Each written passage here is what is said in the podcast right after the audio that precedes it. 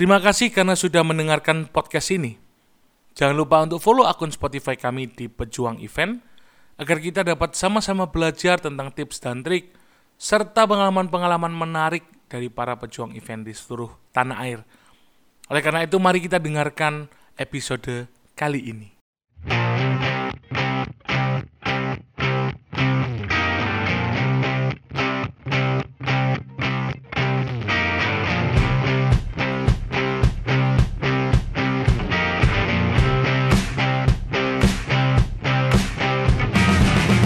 Oke, balik lagi di Pejuang Event. Thank you banget yang sudah uh, setia mendengarkan podcast Pejuang Event ini.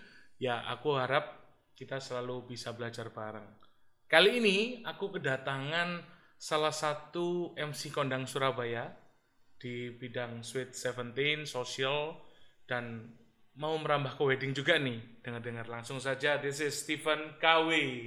Halo, halo. Gimik bang. Gimik banget. halo, ya, ya, ya, ya. Jadi saya senang sekali hadir di podcast Pejuang Event. Yes.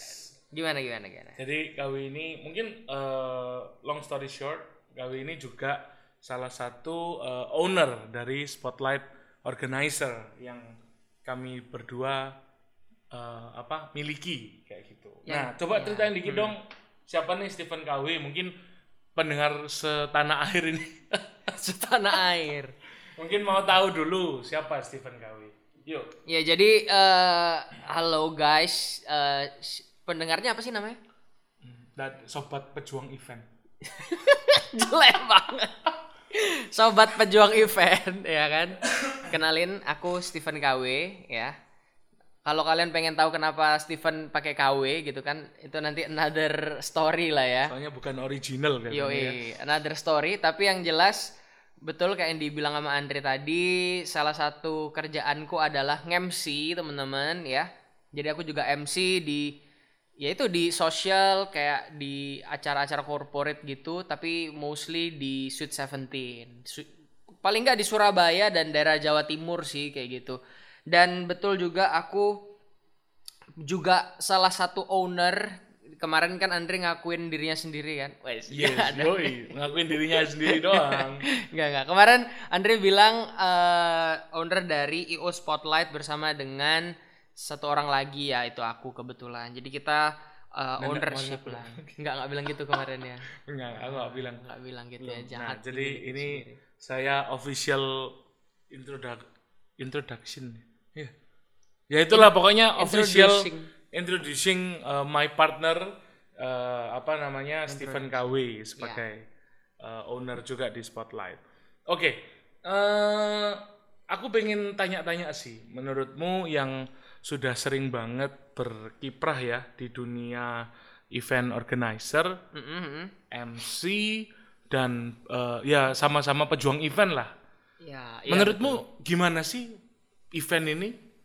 Kita ngomong mungkin di Surabaya dulu, baru nanti kita ke rancah eh ran- kancah internasional kah? gokil. Kancah internet. Indonesia kah atau gimana? Coba coba. Ya pokoknya yang jelas gini teman-teman. Jadi aku itu eh, Andre udah tahu sih ya kan kayak aku kan bukan dari Surabaya basically. Maksudnya aku gede di Bali ya Bali, kan. Bali. Nah, karena aku gede di Bali jadi eh waktu aku datang ke Surabaya terus terang itu apa ya maksudnya terlepas dari aku nggak nggak nggak belum pernah eh, beker- berkecimpung di dunia event gitu ya.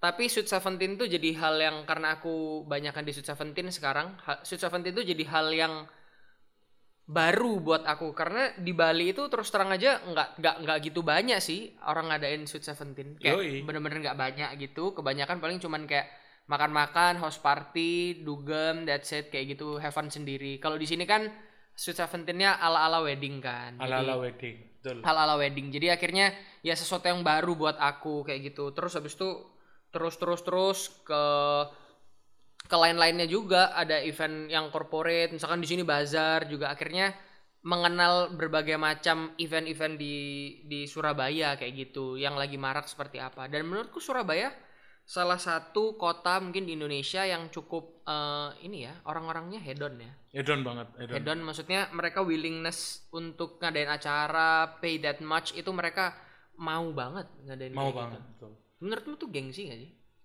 Karena gengsi gak sih? Mungkin kalau aku bilang sih karena gengsi ya, karena eh, apa namanya orang Surabaya ini gengsinya gila sih dan anyway karena itu juga Kita laku. iya Kalau mereka tidak gengsi, kita tidak laku dong. betul. Jadi kayak kayak eh, apa namanya eh, yang aku ngomong di episode sebelumnya bahwa Surabaya ini ibu kotanya event.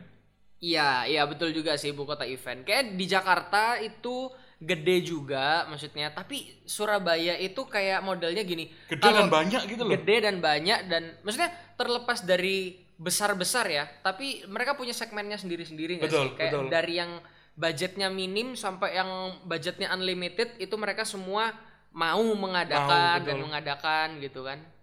Kayak gitu sih. Mm, dan dan eh, apa namanya eh, peluangnya juga besar juga sih. Buat mungkin buat eh, para pejuang event juga di di mana di tanah air lah ya. Iya. Kalau misalnya kalian mau jadi kru freelancer di Bisa. Surabaya, uh Bisa. Ha, banyak sekali. Banyak. Nanti kita akan bahas juga eh, ada satu eh, bintang tamu kita juga mungkin eh, beberapa episode selanjutnya ya kita akan bahas tentang kru freela- freelancer juga. Tapi eh, aku pengen tanya sih, weh, Ah. kira-kira kalau dari kamu sendiri sepengalamanmu, jadi eh, Steven ini seperti yang tadi dikatakan eh, corporate dia handle, eh, Sweet Seventeen dia handle. Menurut kamu apa sih yang paling penting dalam sebuah event? Yang mungkin kayak mungkin kamu eh, ada insight kah atau ada tips dan trik atau mungkin eh, gimana coba? Gini, kalau menurutku ya, jadi eh, karena terlepas dari aku sebagai MC, tapi aku juga berkecimpung di IO sebagai owner IO gitu kan, otomatis sometimes ya ya aku memposisikan diri sebagai pemilik IO, which is itu berarti kalau ada orang tanya acara ya aku nawarin IO juga gitu kan maksudnya. Mhm. Cuman yang harus disadari bersama dan nggak tahu mungkin teman-teman yang dengerin ini para pejuang event lainnya di berbagai vendor yang berbeda-beda eh, kalian ngalamin apa enggak nggak tahu. Eh, tapi yang aku alamin Dut itu kalau di di aku gitu ya. Orang itu kebanyakan orang Surabaya terutama mereka itu berpikir kalau event itu tuh yang penting satu kalau wedding kita ngomong kalau wedding orangnya lebih well educated ya. Ya, maksudnya mereka well- sadar bahwa acara sebesar ini yang yang kuantitinya nggak mungkin di bawah eh, 300 lah ya kan? Ya, yang yang 400 lah ya yang mungkin ya. standar kan di atas Standar- itu kan. standar. otomatis mereka sadar bahwa mereka butuh IO tapi kalau di dunia Sweet Seventeen mostly orang itu tuh nggak sadar dengan kebutuhan itu pokoknya yang buat mereka yang penting itu dalam sebuah event adalah MC habis Band? itu eh, band tuh nggak Ben enggak? nggak MC makanan ya Oh kan iya, betul, venue makan, kan makan, maksudnya makan, venue. MC venue foto video Ah, ah. dekorasi udah itu aja mereka tuh nggak berpikir terutama mungkin kalau yang skalanya masih dinner doang yang kecil-kecil kita masih bisa oke mungkin kalau itu Hmm. pemikiranmu. Tapi kalau udah yang modelnya mereka party yang semi kayak party itu kayak gimana? Kayak ya di wedding wedding gitu. Hmm. mereka tuh berpikirnya itu eh ya itu tadi maksudnya pemikiran mereka tuh nggak bisa masuk gitu kan? Kalau mereka mikirnya cuman sebatas yang tadi bahkan banyak yang bilang bahwa IO itu nggak penting. Nggak usah pakai IO lah buat apa pakai IO gitu katanya. Iya, iya. Ha-ha, buat apa terus IO ada kalau gitu kalau memang tidak penting Iya. Tahu nggak? Tapi serius men, Betul, at betul. one moment pernah baru aja, bener-bener baru aja, mungkin orangnya juga nggak dengerin karena dia klien ya kan. Ini kan, ini kan dedicated to para pejuang event sebenarnya Iya, kan, semoga- sobat pejuang event. Sobat pejuang event. Semoga nggak dengerin ya. ini. Iya. Jadi dia itu eh, pertama tuh bilang nggak butuh IO dan segala macam. Terus aku jelasin kayak apa butuhnya IO. Aku jelasin karena terlepas dari aku punya IO, tapi aku sebagai MC pun sangat terbantu dengan adanya IO kayak gitu. Nah, Apa yang bikin kamu sangat terbantu dari maksudnya kan, kan ketika kamu menjadi MC, Mm-mm. kenapa harus ada IO? Kenapa harus ada uh, vendor-vendor lain? Kenapa harus ada pejuang event yang lain kayak gitu? Ya maksudnya eh, kalau untuk ngomong vendor yang lain misalkan yang kayak dekorasi dan kawan-kawan mereka expert di bidangnya masing-masing Hmm, pasti ya. Cuman kalau IO itu kan sebenarnya mereka yang mengorganize itu semua kayak gitu. Terlepas dari aku punya IO, itu pandanganku. Maksudnya nggak mungkin dong orang-orang tuh di Surabaya itu mostly berpikir bahwa eh, ya ini disclaimer ya nggak semua orang maksudnya mostly dari yang aku alami mereka itu berpikir kalau MC itu ya IO-nya itu MC gitu MC-nya tuh bisa MC-nya itu IO-nya. Iya, MC-nya tuh bisa segalanya gitu. Jadi MC-nya akan mempersiapkan eh, games, MC akan mempersiapkan eh, gimana reception di depan, MC akan mempersiapkan momen foto video, terus habis itu susunan acara dan segala macam. Maksudnya kayak sebenarnya kan nggak itu kan Iya, tugasnya. betul. Hmm. Kayak gitu.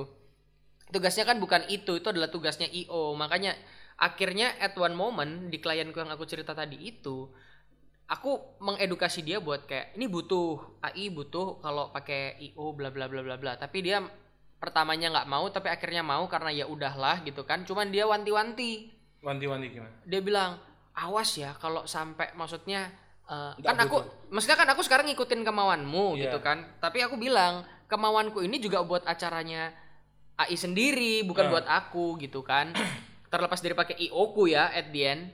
Cuman maksudnya aku ingin membuktikan ke dia bahwa bener nih butuh IO akhirnya waktu hari H event eh, ada satu momen di mana waktu itu aku udah hari H aku yang MC juga kebetulan terus habis itu aku udah prepare di depan udah siap gitu kan mau mulai acaranya segala macem terus AI-nya tuh bilang Steven nanti yang handle siapa waktu eh, Handle apa ini? Handle apa? anaknya masuk VIP Oh, jadi dia VIP. tuh butuh VIP Betul VIP. apakah mungkin MC-nya menjadi kru VIP juga ya kan tolong dipikirkan sobat event Sobat pejuang event. sobat pejuang event ya kan? Nah akhirnya aku bilang oh tenang aja Ai nanti ada krunya di depan yang sudah siap. Itu kan krunya kru VIP yang sudah Steven siapin itu buat buat apa namanya jagain noniknya itu. Aku bilang gitu kan. Baru Ai-nya sadar oh iya bener juga.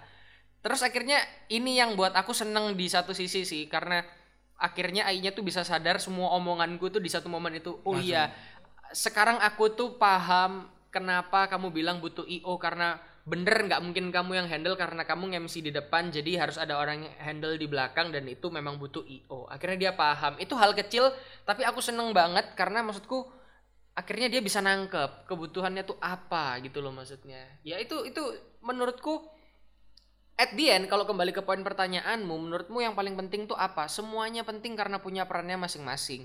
Tinggal eh, apa namanya misalkan kayak band pengen lebih meriah misalkan kayak gitu dekorasi sudah pasti ada foto video untuk Hmm, dokumentasi kayak gitu segala macam menurutku penting semua sih Jadi penting semua penting ya. semua cuman mungkin kadar prioritasnya aja sih ketika kliennya punya budget yang terbatas akhirnya skala prioritasnya kan ditentukan toh. Ditentukan di Ah. apa ya mix and match lah ya. Iya, kalau ada lebih baru nih aku mau nambah bintang tamu misalkan. Tapi kalau yang wajib ada wajib ada kan nggak mungkin dihilangin kayak Hmm. gitu.